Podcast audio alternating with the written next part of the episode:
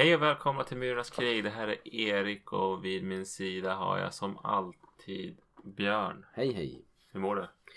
Jo vars. Det har varit en sån här lite tre veckors low key förkylning som inte riktigt vill ge sig som jag börjar bli gode less på men annars är det väl okej. Okay. Jag grindar på med plugget. Det är inte så mycket annat som händer i mitt liv. Du ska praktisera hörde jag. Ja. På IVA. På IVA. Nästa vecka börjar det. Jag vet inte om jag hann skryta i förra podden också men jag klarade ju fysiologitentan i alla fall som vi, jag hade skrämt upp mig själv inför i tidigare poddar. Men det gick bra. Det gick väldigt bra. Över förväntan. Så det är skönt att ha det i världen. Nu är det lite praktik och grejer och sen mot hösten sen blir det ju skriva D-uppsats som blir nästa stora ångestmoment. Men det ska väl också gå bra till slut tror jag. Jo då. Själv då? Hur är det? Jag är lite trött. Jag eh, har... eh, Jag fyller år om imorgon. Ja. Eller i denna stund en timme och 18 minuter. Mm. Fyller jämnt och jag har hållit på och fixat. Vi håller på och river i huset och gör om köket. Så det är väldigt spartanskt och eh, provisoriskt allting så jag är lite trött. Jag förstår. Det känns som det här lite trötta, ledsa tillståndet är ett normaltillstånd för mig nu nästan. Men man jobbar lite mot delayed gratification mer i livet nu känns det som. Man investerar i saker som kommer bli väldigt trevligt på sikt. Det är jobbigt i stunden att hålla på och grejer med köket men det kommer ju bli värt det. Jag hoppas det. Får man ju hoppas. De är skickliga de som är där och hamrar och spikar och filar och målar. Det är bra. Så ni har tagit in proffshjälp i alla fall? Ja, fy fan annars hade det nog gått åt helvete för länge sedan. Ja. Det kan ju vara en test för äktenskapet också om man ska ge sig på allt för tuffa renoveringsprojekt tillsammans. Jo, vi som grävde lite på affären över olika om vi ska ha vilken typ av lysknappar vi skulle välja Ja, just det. och så vidare. Det räcker att vi det är typ en miljon olika beslut som ska fattas. Jag ville ha från en affär som kostar lite mer Mm. och var mer såhär bakelit liknande medans Annika vill ha lite plastigare, lite modernare. Jag är ju lite så här. Jag tror att man blir förstörd av att ha för många val. Jag är den som går in och kollar på två knappar och sen väljer. Att det känns som ju mer jag håller på och våndas och vänder och vrider på alla olika alternativ så kommer det sluta med att jag typ ändå alltid känner mig lite missnöjd. Jo, Att- så är det. Ibland önskar jag att man bara kom in i butiken och så är det som, ja men du kan välja en rund eller en fyrkantig knapp. That's it. Ja men ungefär så. Ja, men det skulle nog skulle man kunna göra så med Mm. mycket. Att eh, ja, men fanns det inte så mycket val så skulle det bli fint ändå liksom. Ja. Ja, men nu blev det, det lite dyrare varianten. Och eh, ja men det kom fram lite att, att i, tydligen så hade jag valt färgen på golvet. Men det uppfattade inte jag Okej. när jag valde knapparna. Det kommer bli världens missmatchade kök där. Ni så här, väljer varannan grej och så har ni helt så här Ja. clashande stilar. Så att det Ja, men jag, jag tyckte inte att jag valde Jag tyckte inte att jag valde golvet. Det kanske vi var helt överens om det. Mm. Men så kan det vara. Jag tror i våra projekt som vi har haft och då är det nog ändå ganska mycket skulle jag säga min fru som regisserar och sen kan jag liksom lägga in veto. Jag tycker det är ganska skönt att ha någon som bara men jag tänker så här och kollar upp i färger och grejer som man ska ha och fundera. Så behöver jag inte engagera mig skitmycket mer än att jag kan liksom lägga in veto mot vissa grejer att det här vill jag absolut inte ha. Annars är jag nog okej med ganska mycket. Nu har vi inte gett oss på några jättestora. Det är ju mest utvändigt på huset vi har jobbat än så länge. Vi går ju också lite tankar om att renovera vårt kök så vi får väl se hur det går när vi kommer dit. Jo, för sen du blir peppad när du ser resultatet. Vissa saker är det kvar men snart kan vi i alla fall använda det. Bara en sån grej. Jo. Jag grillade korv i öppna spisen idag. Det luktade för fan brand rök i hela källaren efter det. Ja, det kan jag tänka mig. det var ta, men släppa från min tröja i varje fall. Sen var det lite deppigt allmänt tycker jag också nu med eh, vintern har ju gjort lite en liten comeback här. Jo, Vi hade gud, så himla härligt vårväder ett tag och så sen plötsligt nu är det en kring nollan och snöyra igen. Jo, vi var på gården och grillade hamburgare för en vecka sedan och nu är det som, vad fan, jag ska äta mig till spöregn där. Igår jag gick hem från jobbet så fick jag liksom småspik i ansiktet. Ja. Jag hoppas, det ser väl ut som på någon vecka att det ska vända mot mer vårväder igen. Men man hade som börjat, ja vi hade som sagt plockat fram grillen och putsa upp altanen och gjort sig lite redo för sommar. Sen vart det, Det blev sådär. sen vart det sådär. Jo, ja, men jag tröstade med att eh, ta en bastu med min dotter här. Det var väldigt varmt och skönt. Ja, härligt. Har du hunnit se någon film då? Nej, inte så mycket. Inte mycket skräck i varje fall. Jag har sett lite annars skit som jag tycker inte ens lönar att prata om i podden. Du kan få, om du har något bättre skörd. Jag, Jag har väl varit ändå semiproduktiv. Jag försöker komma ihåg om jag nämnde det. Det var i början av månaden. Kanske så pass att jag nämnde det i förra podden. Men jag såg ju om Annihilation. ja, just det. Eh, För att jag tänkte att alla säger att den är bra. Och den var väl okej. Men eh, det var liksom en sån här film jag såg när den var som mest hypad och var nog ganska besviken. Nu när jag sätter mig lite mer distans så kan väl ändå tycka att okej det är en okej sci-fi rulle. Fast jag kanske ändå inte riktigt förstår hypen. Den har mycket härliga visuella grejer going on. Men jag vet inte om den har så mycket mer. Så har jag så varit inne på ett lite dyk eh, grej på sistone. Jag har varit sugen på att börja dyka igen så jag såg The Deep House. Mm. Som dök upp på Netflix. Som är så, Eh, No pun intended. ja, dyk, dykskräckis. Var den bra? Nej, Hepp. mycket dålig. Då skippar jag den. Det var väldigt så här. Jag tycker alltså. Vad handlar den om då? Det handlar ju om någon typ hus eller egentligen tror jag hela by men ett specifikt hus de ska till som har blivit liksom de har för, fördämt någon flod eller whatever som har skapat liksom en ny artificiell sjö kan man säga. Där det fanns en by tidigare då som har blivit begravd. Och så är det några som ska ner och dyka på det där då. Och så är det ju liksom ett- ett hemsökt hus förstås. Okej. Men jag tycker liksom det finns tillräckligt mycket skräckaspekter som är specifik för dykning som man liksom aldrig nyttjar i sådana här filmer. Det hade inte, det kunde vara vilket spökhus som helst. Det, att de dyker är som irrelevant. Men det Ja. finns som aspekter av att dyka som man känner det här att Ja men du vet man kan få Vad säger man på svenska? Debens eh, Dekompressionssjuka liksom. Dykarsjuka? dykarsjuka. Du kan liksom inte bara sticka upp till ytan för att då dör du och det finns liksom aspekter av dykning som gör att det skulle kunna passa sig för en skräckfilm och göra liksom att det får lite mer udd och nerv men alla de här dykreglerna ignorerar man ganska mycket i sådana här filmer och då är det som bara okej varför ska de dyka från början då?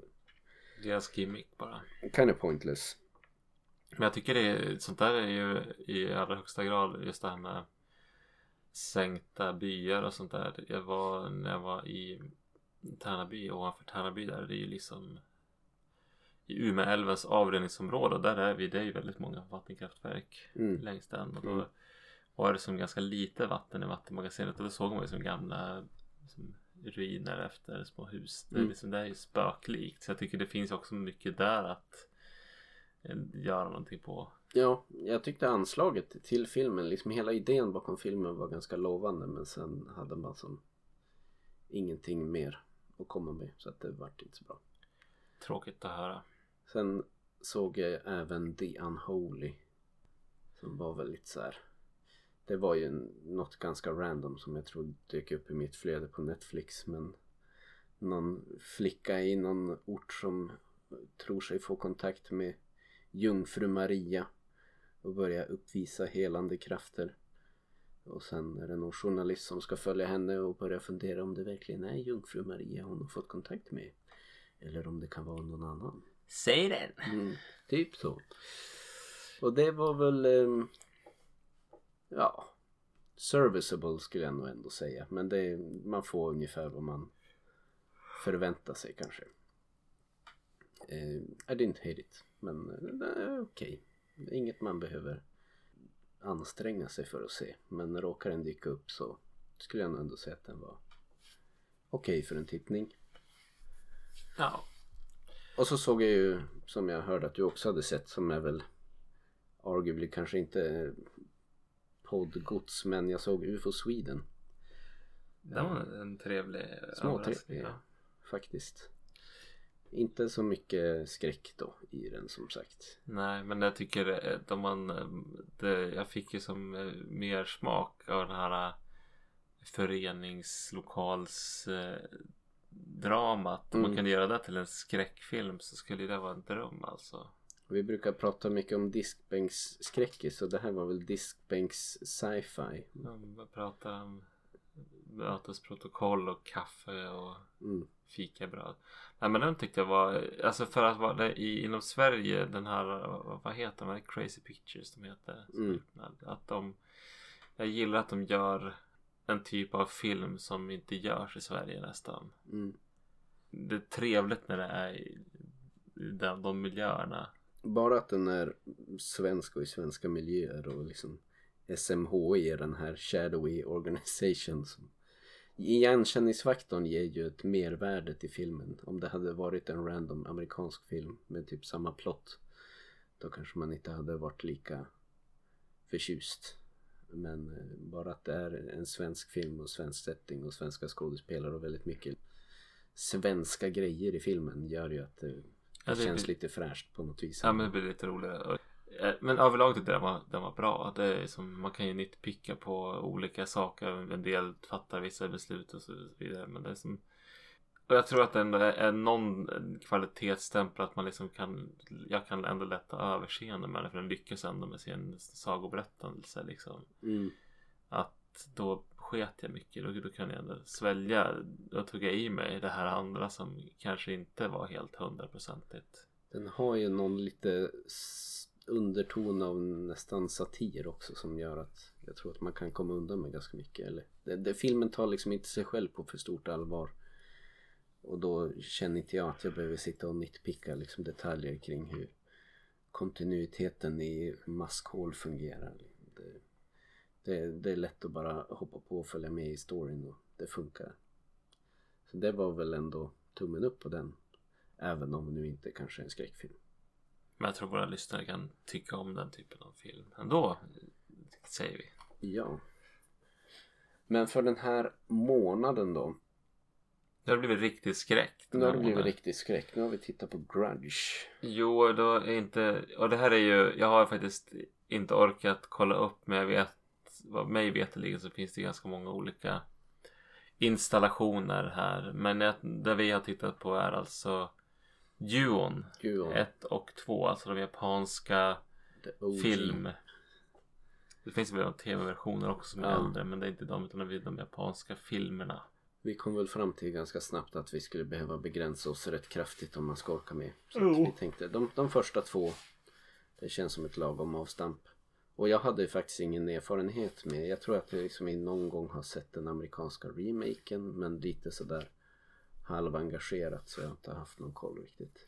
Ja, Jag såg ju remaken, den, amerikanska remaken på bio. Ja, Med, visst var hon Sarah Michelle Gellar? just det. Men det, så att eh, det var ändå någonting relativt nytt och fräscht för mig. Ja, jag, jag tror inte heller inte att jag hade sett det här innan. Jag hade hört talas om det men inte mer än så. Men without further ado då så kanske vi ska jobba oss in mot första filmen då, alltså Juon från 2000. 2000? Jag vet inte. Vi återkommer om det. Jag gör en jingel och läser på under tiden. Ja.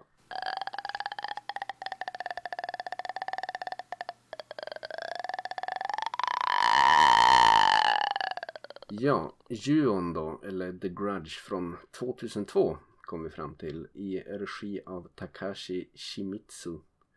Ehm, ja, i rollerna vet jag inte om jag behöver gå igenom. Det är, en, det är ett gäng japanska skådespelare. Inga som jag känner igen så väl, men då har jag inte så bra koll heller. Men i alla fall i den filmen, det är ju en liten udda narrativ struktur men man kan väl säga gemensamma nämnaren är att det finns ett hus här som där det sker ett eh, brutalt mord i anslaget och eh, det faller någon typ av förbannelse över detta hus och de som kommer i kontakt med det här huset eller på ett eller annat sätt blir förföljda av husets förbannelse kanske man kan Ja. säga eller den eh, entiteten som hemsöker huset. Ja, det blir som en entitet av den här äh, starka känsloyttringen i samband med brottet i början. Och det är väl liksom storyn egentligen. Vi, vi kommer få tillfälle att prata lite mer eh, om det på djupet när vi kommer till B i våran S-bar struktur. Men då börjar vi ändå med S i vanlig ordning som står för skräck och spänning. Hur känner vi kring det på den här filmen? Ja, den här filmen tycker jag matar på med ganska mycket skräck och spänning. Den gör ett väldigt bra jobb i att hela tiden upprätthålla någon sorts latent obehag eller vad man ska säga tycker jag att det var. Det är mycket konstiga ljud och bara, alltså bara ljudbilden och lite grann man håller sig lite grann otrygg Mm, hela tiden och vi kommer in mer på det med B men den har ju som en berättarstruktur som liksom man får följa massa människors öden när de har varit i kontakt med den här förbannelsen mm. och det gör att det blir rätt så mycket hemsökelser. Bra scares här och där men jag tycker framförallt det här mycket tät stämning hela tiden och det är nästan oavbrutet så. Det, det är alltid liksom en obehaglig udd kring varje scen så man känner sig aldrig riktigt trygg. Man sitter alltid lite på nålar. Vet aldrig riktigt vad som ska hända. Så jag tyckte S-mässigt för mig i alla fall så var det här väldigt bra. Sen var det ju kanske också för att det var lite obekant för mig. För de som är väl bevandrade i the Ewan-verse så kanske det är par for the course den här typen av, scares och grejer som de har i den här filmen. Men för mig när jag såg det nu så var det i alla fall väldigt fräscht och då tyckte jag det funkade väldigt bra. Mörkhåriga flickor och bleka barn. Ja. Som, ja men det, det, jag tyckte det var effektivt ändå. Om vi kommer in på B då, berättar, berättelse och manusarbetet. I början på B, alltså, eh, eller i början på filmen så hade, var det lite så här. Det kommer ju som tablåer så står det bara ett namn. Mm. Och, och sen så när man liksom fattade det. Ja men nu, nu ska vi följa den här karaktären. Som har drabbats av förbannelsen. Mm. Och det, det kommer liksom i en, det tycker jag är, är gjort i en bra ordning så det blir som en bra berättelse som är lite, ja man tänker sig, jag tänker mig Pulp Fiction kronologi. Mm. Där det blir ett mysterium som ska pusslas ihop på ett ändå, det, jag, jag tycker det liksom, det höll mig alert och intresserad länge. Det faktum att man har valt ändå att stycka upp storyn och kasta om liksom berättelserna och tidslinjerna lite grann. Initialt ganska förvirrande men jag tyckte sett som filmen till helhet så gjorde det ju mig mycket mer engagerad i att så här, försöka pussla ihop hur alla de här karaktärerna hör ihop och har han varit där före hon eller hur kopplar han ihop med det här och det fanns liksom en story där som kanske hade kunnat varit lite mer trist om man hade berättat det liksom väldigt från A till B men här hoppar man ganska mycket mellan olika karaktärer och olika tidslinjer som som sagt från början var jag väldigt förvirrad men på sikt när man började förstå sättet de berättade på då tyckte jag ändå att det bidrog till att göra mig mer engagerad och koncentrerad att jag ville liksom hänga med i, i vad som hände i filmen. Nästan som en antologistruktur Mm. Eller vad heter det? Jo men det är att, att det liksom, man, man kan också så här bara skita i det och bara ta varje litet kapitel för sig för att de är som små novellberättelser många av de här historierna. Ja. ja. Alla har, har ju någon sorts koppling till huset men de binder ihop mycket med varann också på slutet. Så att ja, sammanfattningsvis jag tycker väl egentligen det var bra. Eh, Jag vet inte om jag tyckte det var någon standout direkt. Jag tänkte inte så mycket på det när vi tittade liksom när det gällde rent de här olika skådespelarna om det var någon Nej, sen har vi ju som västerlänningar kanske lite svårt. Så här, många av de här äh, skådisarna är obekanta för oss. Mm. Och så vidare. Det är svårt, att, svårt att, med namnen. Det här de säger så jäkla snabbt. Ja. Och man läser dem bara. Det, det, det blir lite så här.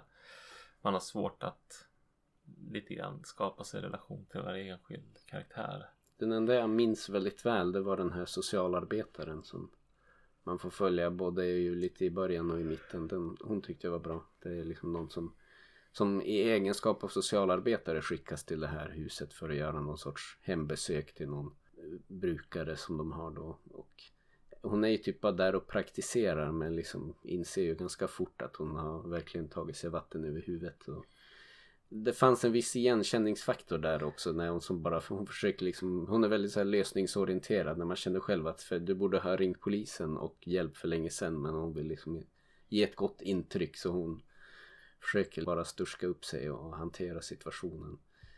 Eh, på ett sätt som jag tyckte kändes ganska realistiskt och det fanns en viss igenkänningsfaktor där. Jo, lite kaosasås Mm. som vi säger när, när det är ohållbar hemsituation Ja, hos gamlingar.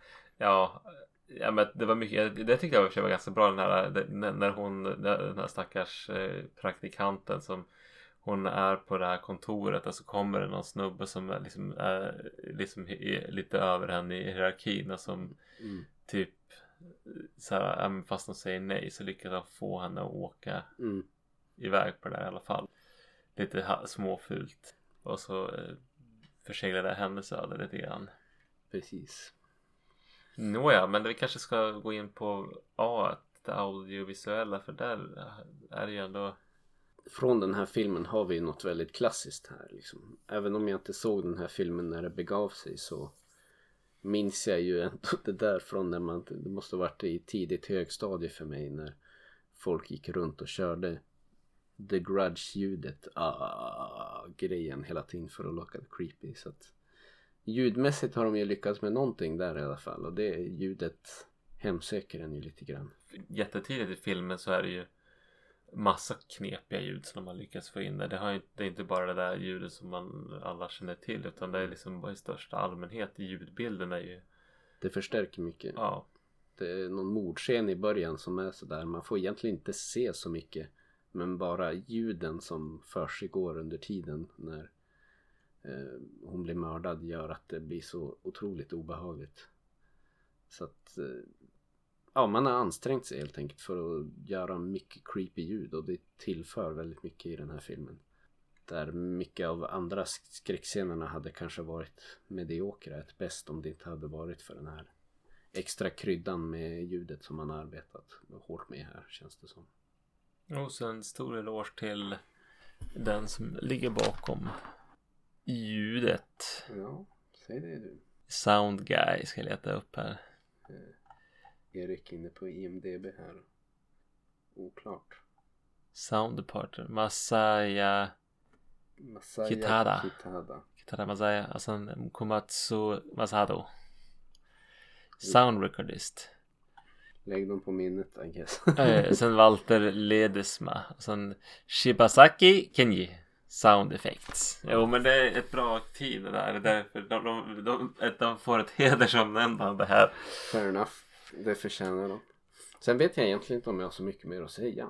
Det blir lite svårt när det är liksom, det var jävligt bra. Jo det var, ja vi, det, det låter som nästan. nu är vi i R1. Det är en bra film. Den är, är en klassiker. Utav en anledning tycker jag. Jag tyckte den var, även om jag visste, gick in i den här filmen och visste ganska mycket. Jag hade sett en del av scaresen från remaken och liksom så tycker jag att ja men det var det var kul att se den här och den kändes som den kunde skrämmas. Jag håller med. Eh, jag- J-horror när det är som bäst. Jag är mycket nöjd och som du säger, den, det är en klassiker men det förtjänar det att vara. Och den står sig fortfarande nu, ja 20 år senare ändå.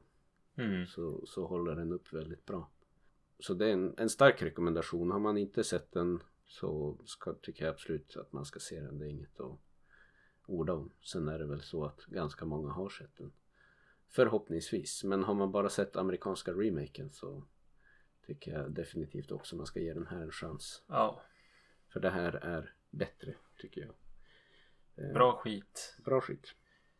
Ja men ska vi ta en, en liten jingelpaus och eh, Kasta oss över hugga in på nummer två. nummer två. Grudge 2. In cinemas nationwide. Vi hoppar ett år framåt i tiden för 2003 kom alltså Ju-On 2 i regi av och manusregi av eh, Samme man. Ta, vad Takashi. Takashi Shimi, Shimio Takashi Shimizu. Takashi Shimizu Nu måste jag hälla upp lite dricka här Men bara lite för det är så sent Så Jag fyller ju ändå år snart Mm. Men ehm, Ja, vad ska man säga här?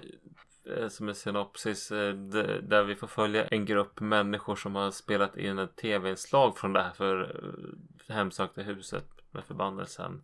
Mm. Och de drar på sig förbannelsen och det är väl lite grann på den vägen det är. Ja, undertiteln för Juon 2 i alla fall på den, i den svenska översättningen är Förbannelsen fortsätter. Det känns som att det Den summerar handlingen ganska bra. Ja. Vi sätter väl igång med S. Ja, eh, Skräck. Spänning. det Det är är, väl mer en... av, det är mer av samma men jag tyckte att det kändes B-ere. Ja, jag tyckte det. Jag vet, inte, det är någonting med ljudet här. Lite mer lågmält. Och det är lite, du, du nämnde att det, man fick lite slasher feeling. Att det var väldigt mycket så här. Den här grudge personen hoppar fram och säger bö och så byter man till nästa karaktär. Det, det är väldigt många sådana slasher scener. Ehm, Ja men det är som att man har tänkt, ja, men i första filmen så fungerar det här bra, folk blev rädda. Nu ska vi ge, göra mer. Och det var en, en del dödsscener som var rätt så väl genomförda. mm, Men det var som uppradningen av dem gjorde att det inte kändes Det blev inte otäckt för att nu kändes det som att de mer matade på. Ja. Sen måste jag nästan nämna här också. De hade ju ett anslag här i filmen med den lilla grudge-barnet som orsakade en bilolycka. Men det känns som en sån typisk filmtrope att så fort någonting händer, oväntat händer framför bilen i filmer då ska folk bara gas, sätta gasen i botten och krascha. Jag tänker spontant att min reaktion om det hoppar för ut en rådjur eller whatever. Någonting oväntat händer som jag inte... Det är inte så att jag kognitivt hinner tänka att här kommer ett rådjur, nu måste jag sakta in. Men den automatiska reflexen någonstans om någonting oväntat händer det är att bromsa. Men i film är den automatiska reflexen alltid Gasa. Pelle i botten. Och sen styra och styra och styra. Ja, Och gasa och gasa och gasa. Ja. De kör den tropen här också. Det är inte unikt för den filmen men det var något Så. jag tänkte på när man såg den här. så Det är lite off-putting i den första öppningsscenen. Den blir inte otäck. Nej. Bara. Men om vi ska, ja men det, det är mycket hår och det är mycket, alltså jag tycker ibland lyckas de hyfsat bra med sina eh, dödsscener att skrämmas. Men ibland så tycker jag det blir som lite parodiskt nästan. Det- Alltså jag tänker det, det är som en peruk som far, som kryper runt på golvet och Ja. håller på. Det blir som ja, Det är mer subtilt i den första. Ja. Här är det ganska som att de vill göra ännu mer men det blir liksom man visar lite för mycket och så blir det lite tramsigt i vissa lägen. Så ja, en del scares funkar, en del funkar inte. S-mässigt är den väl okej men eh, det, det är ju lite mer av samma och sämre i vissa fall. Jo, B. B. Det är ju berättat mer rakt här upplever jag. Det är liksom, man får följa det här filmteamet och alla olika karaktärer i olika segment men den narrativa strukturen är lite mer straightforward från A till B. Jo, Så det det- inte är lika mycket pusslande Ja, liksom. precis. Jag jag tyckte den första filmen så tycker jag verkligen att det fungerade bättre med det. Kändes som att eh, episoderna kom i en ordning som det liksom avslöjades i det här mysteriet lite lagom i varje episod. Mm. Och det var väldigt spännande. Att det, det, där hade man tänkt igenom ordningen medan i den här så kommer det lite huller om buller. Det är som samma typ av struktur men man har inte tänkt igenom hur ska det här knyta ihop och driva eh, mysteriet framåt. Nej, det är ju ingenting mer som händer. Det är som att den första filmen jobbar lite på att etablera vad är The Grudge och hur funkar det. Och det är spännande att försöka pussla ihop det. Nu vet vi allt det redan och i tvåan känns det som att man har inget mer att komma med. Så att det är lite så här plus minus noll storymässigt. Det händer inte så mycket mer utifrån. Jag vet inget mer nu än jag visste när jag såg färdigt The Grudge 1. Nej, utan det det är mer att man har gjort det om. Nu ska vi skrämmas på det här sättet som folk blev skrämda i första filmen och så blir det lite slasher feeling över det här. Det fanns ett glimt av något som jag trodde det skulle bli och som hade kunnat bli ganska kul i en specifikt segment av de här karaktärerna man får följa henne. Det är som att hela hon har som sin egen lilla skräckhistoria. När hon börjar höra så här knackningar i väggen och konstiga ringningar i telefonen och när man så småningom får följa narrativet framåt så inser man att det är egentligen att hon har sett in i framtiden och sett sitt eget öde för det slutar med att hon hänger och dinglar i taket och slår in i väggen och det knackningarna som man hörde tidigare var hennes egna fötter som slog mot väggen. Det var som att hela den var som en ganska det, det funkade som, som en egen lilla short story. Som jag hade önskat att liksom man hade gett den behandlingen till varje karaktär men jag tyckte inte det fanns en lika tydlig så här början, mitten och slut för storyn på de andra karaktärerna utan det var mer bara att sen kommer den andra tjejen och så kommer grudgebruden och hoppar fram och säger bara Jo, det fanns väl någon, den här, någon av de här statisttjejerna så hade jag också en ganska bra Mm, historia tycker mm. jag. Men annars så var det så, ja, men det kändes lite grann som att se på en VHS, VHS film där liksom en del segment är ändå eh, har mycket idéer och, och spänning och det händer mycket och en del andra är bara andefattiga och man levererar en dödsscen i princip. Ja man fick nästan så här känslan av att det måste varit så här olika regissörer som har gjort lite olika segment i den här filmen. Så är ju inte fallet men det var lite, det var lite känslan. Men sammanfattningsvis som sagt de har inte så mycket mer att komma med storymässigt. Man utvecklar inte mysteriet. Det är tråkigt. Det är lite mer rakt berättat på ett sätt som jag tycker är lite tråkigt. Det finns glimtar av- roligt historieberättande här i de enskilda segmenten men eh, sammantaget så är det ju lite mer av samma och man hade velat ha något mer än det tror jag för att jag skulle vara riktigt nöjd. Mm. Ja, ja, vi hade ju problem med det audiovisuella, eller vi hade problem med ljudet. Jag vet inte om det var fel på din anläggning, men det kändes som att vi, det hör, filmen var ju, hördes ju inte. Nej, som sagt jag tyckte det här var det nästan det grann. största tappet för det var en sån tydlig kvalitetspunkt i första. Därför började jag scrolla här nu för att se vad om vi har våra gamla gubbar. Komatsu var väl med? Det Ja, Komatsu var med. Det här är någon ny. Komatsu var med i andra och i första. Sen de andra tre snubbarna dyker inte upp här. Så jag vet inte om det Det är där som är förklaringen. där skon klämmer. Men det kändes som att ljudbilden var. De hade kvar sitt klassiska grudge eh, drönande liksom. Det, det gjorde man ganska mycket med i den här filmen. Men de hade inte så mycket mer än det. Nej, det var inte alls. Och visuellt så var det liksom i början så, nej det var viss, nej, det, det, liksom, det är vissa av de här effekterna som ser, känns lite taffliga som var lite, tog mig ur stämning. Mm. Så den var, den var å- överlag okej men det var en del ställen där det, där det kändes som att ja, det här borde de ha gjort bättre innan man genomförde det.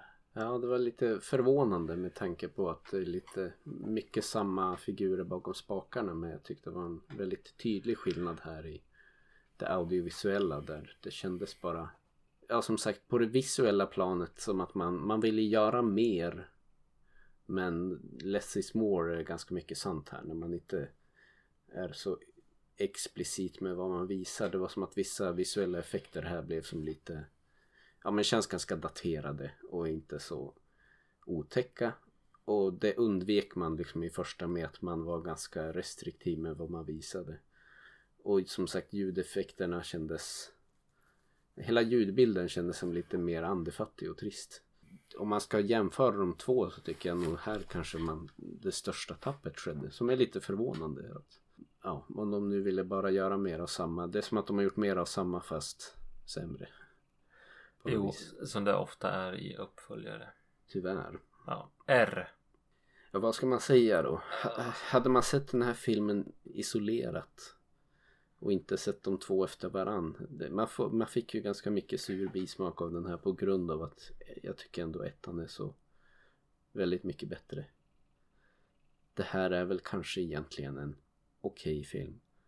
Men En okej uppföljare men det är som nivåskillnad på filmerna att det känns lite tomt. den första är verkligen en klassiker. Den andra är en okej film men det är inget man behöver anstränga sig för att se. Det tillför liksom inte så mycket mer. Ja, tyvärr är det väl kanske inte riktigt någon rekommendation. Jämfört med alla andra skräckfilmer så tycker jag den håller upp ändå rätt okej.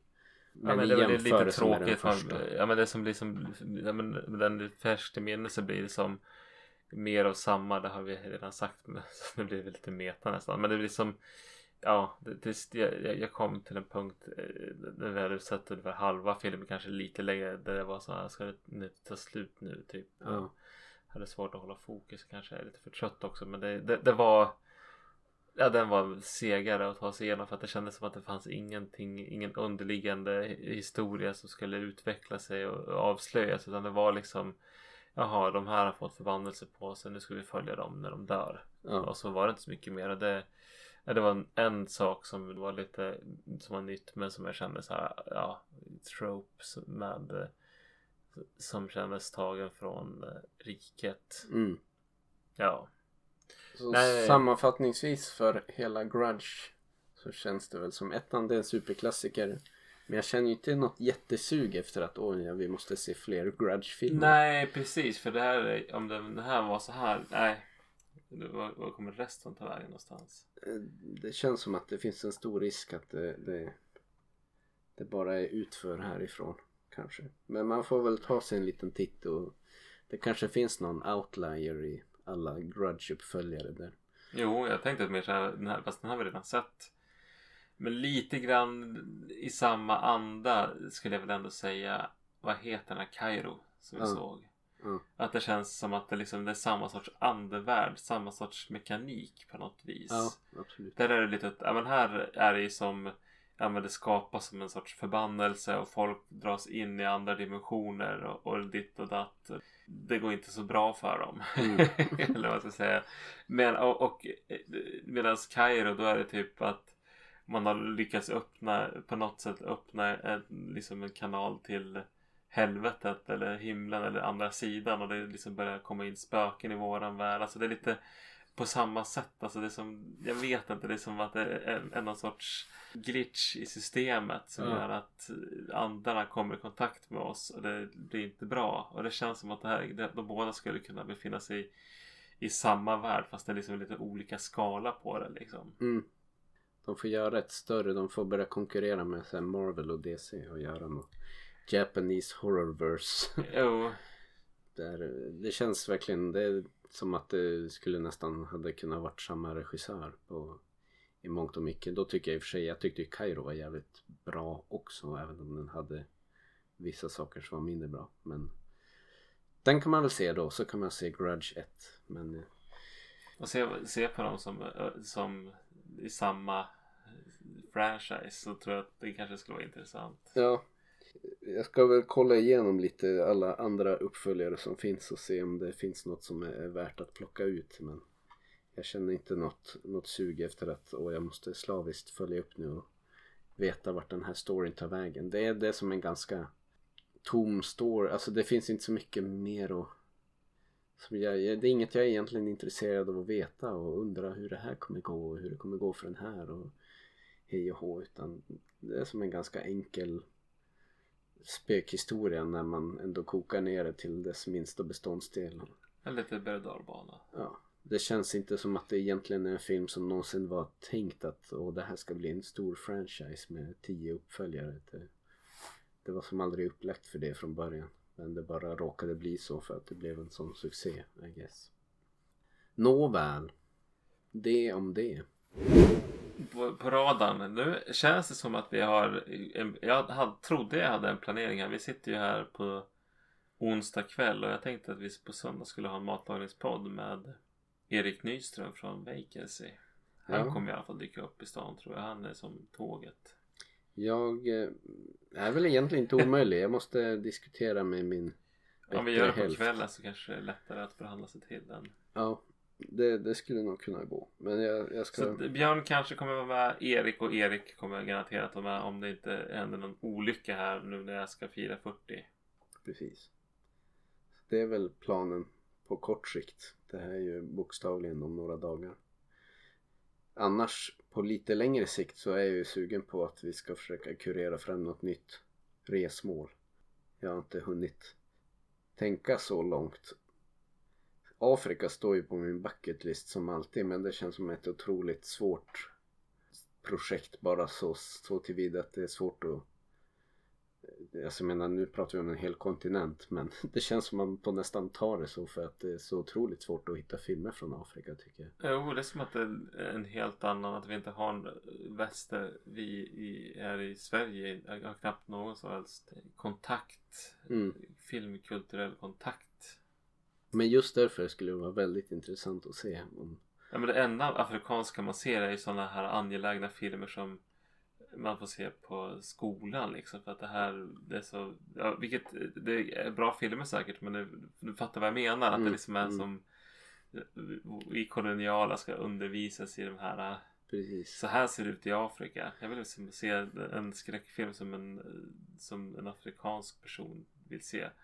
Om det nu finns afrikansk skräckfilm, jag vet inte. Jag inbillar mig att det ändå skulle finnas någon. Jag vet ju att det finns en fin- det ganska li- livlig actiongenre i Afrika med mycket folk som bara ja men ganska b då men på ett ganska kul sätt så, som har fått viss internationell spridning på grund av att det är så unikt tror jag. Men det känns som om de kan producera sina egna actionrullar då Då finns det utrymme för skräck också. Ja, lite, lite skräp. Jag vill liksom ha af- afrikansk skräpkultur, inte afrikansk finkultur. Men vi får väl se. Ja, det är, om, om det blir eh, det. Men eh, något typ av resmål skulle jag vilja rikta in mig på. Ja, sikt. något sånt. Sen blir det ju sommar och skit. Sen blir det sommar och skit. Då blir det då så här sommarspecial. Då blir det nog somrigt. Jo, men när vi tar ett resmål innan sommar tycker jag det är ju sommarsemester. Det blir ju perfekt. Mm, mm, mm. Bra.